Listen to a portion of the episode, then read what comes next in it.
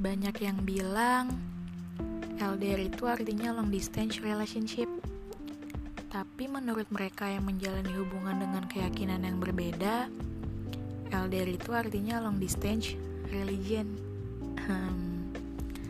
Memang di luar sana masih banyak yang tidak mau membangun hubungan dengan keyakinan yang berbeda.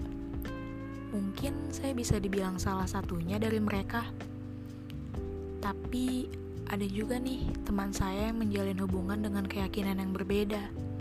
Luna namanya. Pernah suatu hari saya bilang gini sama dia. Lun, lo yakin sama hubungan lo? Terus dia jawab, yakin ah, kenapa harus ragu sih Sya? Gue sayang kok sama dia.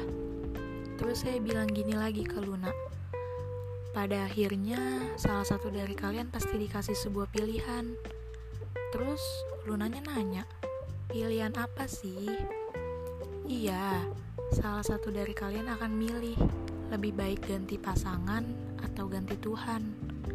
Tapi dengan egoisnya, dia malah jawab gini, Ah, itu bukan pilihan yang sulit. Biarin cowok gue aja yang ikut agama gue.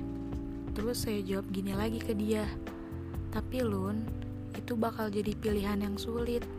Karena gue yakin kalian berdua pasti sayang sama Tuhan kalian masing-masing. Terus Lunanya gak jawab opini saya lagi. Iya, saya tahu gak seharusnya saya bikin teman saya jadi ragu sama pilihannya. Tapi biar bagaimanapun juga, dia tetap harus punya satu pilihan buat ke depannya. Karena Menurut saya, lebih baik beda perasaan daripada keyakinan. Hmm, aneh sih emang, tapi itu hanya opini saya.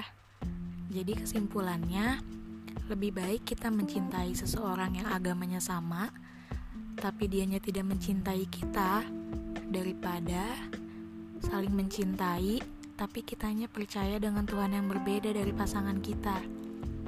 Di sini saya nggak maksud untuk nyalahin kalian yang pacaran beda agama ya, karena hubungan kalian sih urusan kalian. Sayanya nggak berani tuh untuk ikut campur.